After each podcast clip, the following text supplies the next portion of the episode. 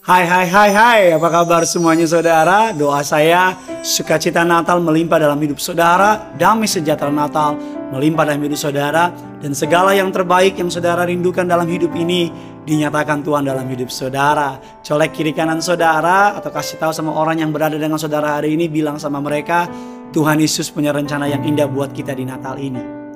Amin. Mari sama-sama kita tundukkan kepala, kita mau bersatu dalam doa. Bapak yang baik, Bapak yang kami sembah dalam nama Tuhan Yesus, kami siapkan hati kami sambut kebenaran firman Tuhan.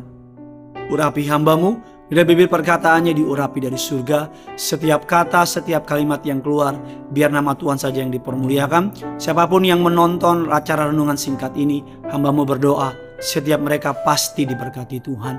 Apa pun yang mereka perlukan disediakan. Apa pun yang mereka doakan dijawab dari surga. Bahkan apa pun yang menjadi kerinduan mereka tidak pernah dipermalukan kerinduan orang benar. Karena Tuhan berkenan atas doa mereka. Kami serahkan sepanjang hari ini ke dalam tanganmu. Di dalam nama Tuhan Yesus. Setiap kita yang siap diberkati. Sama-sama kita katakan. Amin. Kita akan masuk pada bagian yang keenam. Hari kemarin kita membahas mengenai bagian yang kelima, yaitu kesukaan besar, the seven word of Christmas atau tujuh perkataan mengenai Natal. Dan yang keenam, hari ini kita akan membahas sebuah kalimat yang sangat penting dalam iman kekristenan.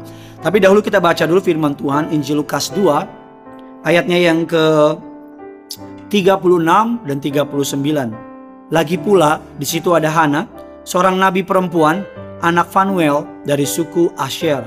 Ia sudah sangat lanjut umurnya. Sesudah kawin, ia hidup tujuh tahun lamanya bersama suaminya. Dan sekarang ia janda dan berumur 84 tahun. Ia tidak pernah meninggalkan bait Allah, siang dan malam beribadah dengan berpuasa dan berdoa. Dan pada ketika itu, datanglah ia ke situ, mengucap syukur kepada Allah dan berbicara tentang anak itu kepada semua orang yang menantikan kelepasan untuk Yerusalem. Kalimat yang keenam, the seven word of Christmas adalah redemption atau penebusan. Kalimat redemption ini menarik sekali karena salah satu artinya adalah buying back, salah art, salah satu artinya adalah restore atau renew atau membeli kembali. Ketika manusia jatuh dalam dosa, kepemilikan kita diambil oleh dosa. Ketika manusia lari dari Tuhan, melawan Tuhan, iblis berkuasa atas setiap kita. Ketika Yesus datang ke muka bumi ini, dia meridim, dia menebus bukan dengan barang yang fana, bukan dengan emas dan perak, tapi dia menebus saudara dan saya dengan darah yang mahal yang tak bercacat, yang tak bernoda, yang berteriak jauh lebih kuat dari darah Habel. Alkitab mengatakan Yesus melakukan jalan yang paling brutal, cara yang paling mahal untuk menyelamatkan saudara dan saya. Agar di Natal ini engkau memiliki penyadaran, memiliki pemahaman bahwa dosamu sudah diampuni. Engkau sudah diridim oleh yang punya surga. Firman Allah mengatakan dalam kitab Roma. Kitab Roma mengatakan demikian saudara. Sama-sama kita lihat dalam Roma 8 ayatnya yang ke-33. Siapakah yang akan menggugat orang-orang pilihan Allah? Allah yang membenarkan mereka dan siapakah yang menghukum mereka? Kristus Yesus yang telah mati, bahkan lebih lagi yang telah bangkit, yang juga duduk di sebelah kanan Allah, yang malah menjadi pembela bagi kita saudara. Alkitab mengatakan pembela artinya saudara dan saya tidak ada lagi yang dapat menggugat saudara karena Yesus Kristus Tuhan telah membayar lunas gugatannya. Dikatakan bahwa setiap orang yang membawa gugatan kepada saudara, darah Yesus telah menyelesaikannya. Iblis mungkin berkata mengenai masa lalumu, iblis mungkin berkata mengenai kegagalanmu, mungkin iblis berkata mengenai dosa-dosa masa lalu saudara. Kalau hari ini engkau mau bertobat, mau datang kepada Tuhan, mengakui dosamu, dan tidak lagi mengembalikan pelanggaran saudara, tidak lagi melakukan kesalahan saudara, Yesus Kristus Tuhan ada di dalam hidup saudara. Alkitab katakan orang-orang pilihan Tuhan tidak boleh hidup di bawah tekanan tuduhan. Mengapa? Karena Allah sudah membenarkannya. Orang-orang pilihan Tuhan harus paham, harus mempercayai bahwa pembelaan Tuhan ya dan amin.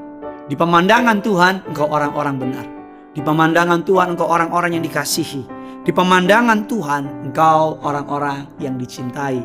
Ketika Yesus mati di kayu salib, seluruh dosa manusia ditanggung di dalamnya.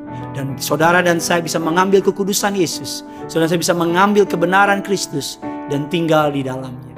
Sering-sering terima tubuh darah Yesus. Terima tubuh darahnya. Nikmati pengorbanannya. Sering-sering urapi kepalamu dengan minyak. Agar engkau menyadari bahwa engkau sangat berharga. Engkau sangat dicintai. Setiap kali saudara menerima tubuh dan darah Yesus. Setiap kali saudara mengangkat perjamuan kudus. Saudara sedang mendeklarasikan engkau sudah ditebus. Setiap kali saudara berkata inilah darahnya. Inilah tubuhnya yang tercurah, tertumpah, tertombak, tertikam bagi penebusan dosa saya maka setiap hari itu iblis tidak dapat menuduh saudara. Mengapa? Karena saudara sedang mengangkat bukti kwetansi lunas. Saudara sedang mengangkat bukti saudara sudah dibenarkan oleh kerajaan surga. Jangan lagi mau diintimidasi untuk dosa yang Tuhan sudah bayar. Janganlah mau lagi ditakut-takuti untuk sesuatu yang Tuhan sudah bereskan bagi saudara. Mari sama-sama kembali kepada Tuhan. Hidup dalam pertobatan, sungguh-sungguh mengejar Tuhan. Kejar kekudusan. Saya berdoa agar sepanjang hidup saudara segala yang terbaik dicurahkan dalam hidup saudara. Terus komentar di bawah sini, bagikan kabar baik sebanyak mungkin dan jangan lupa yang punya surga crazy love with you. Saya berdoa sepanjang hari ini hari berkat, hari musisat, hari anugerah, hari rahmat Tuhan. Doa saya bebas stres, bebas takut, bebas khawatir. Jadilah kuat, jadilah percaya, jadilah setia, jadilah beriman. Bye bye.